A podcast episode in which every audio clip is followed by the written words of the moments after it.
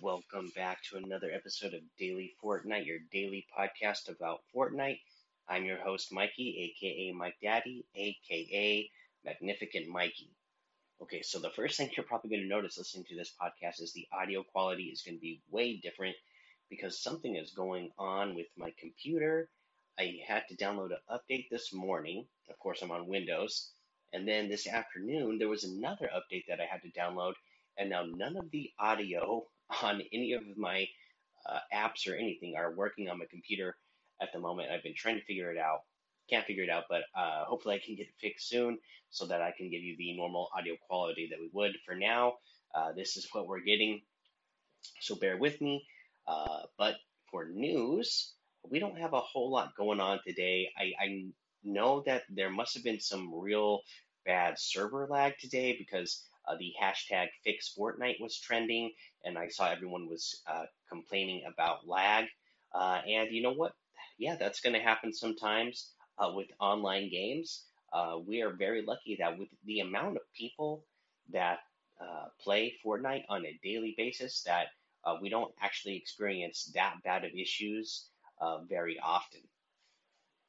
the other thing I wanted to mention was uh, the Sypher PK Trials, which again is on Monday at uh, 2 p.m. Central. You're going to want to check that out. Uh, I, I, watched his little YouTube video announcement about it, and uh, it looks like it's going to be a lot of fun. Uh, it's going to be, uh, you know, a lot of just content creators and pro players playing together. But the way he said that he's going to have the tournament set up is that the the uh, tournament is going to be based around challenges, so like Fortnite meme challenges that you see on YouTube. And uh, it's going to be picked at random. So the players aren't going to know each round what sort of goal or what uh, the uh, challenge is that they have to accomplish. And that's how they're going to score points. So it sounds like it'd be a really fun, exciting time uh, to watch because you're going to get a good mixture of competitive play and uh, some just great content to watch. So definitely be checking that out over on Sypher PK's uh, Twitch channel. Uh, let's see here for uh, challenge today.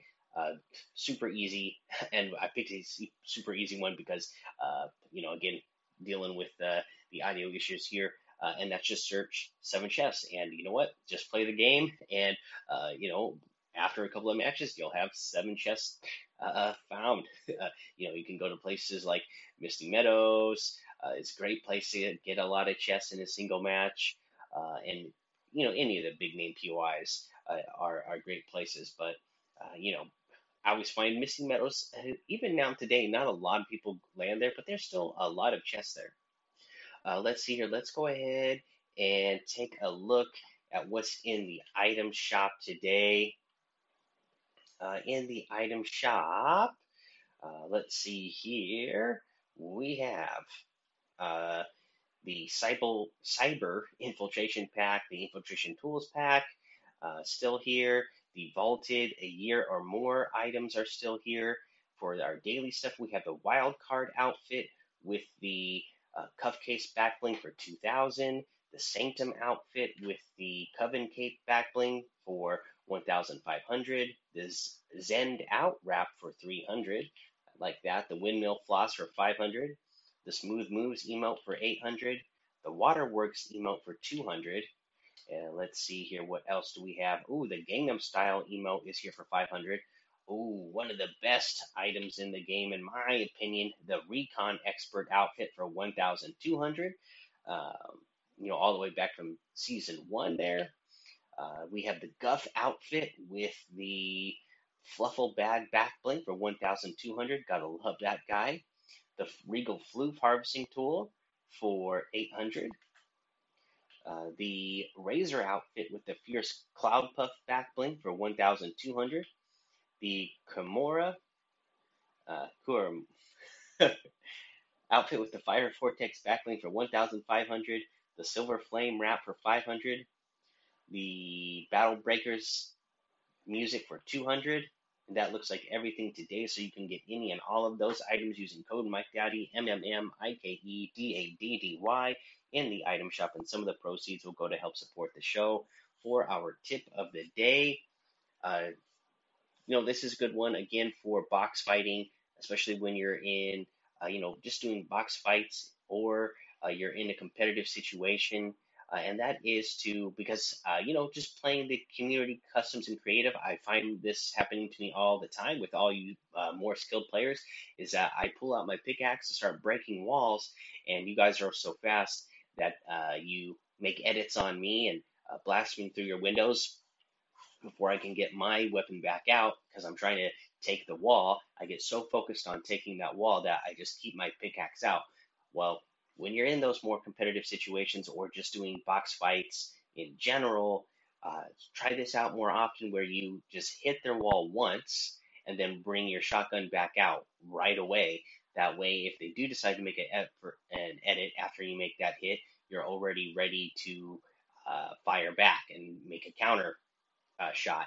And then, uh, you know, once you have that, once you notice, you know, you got to be paying attention to the health of the wall that you're trying to take.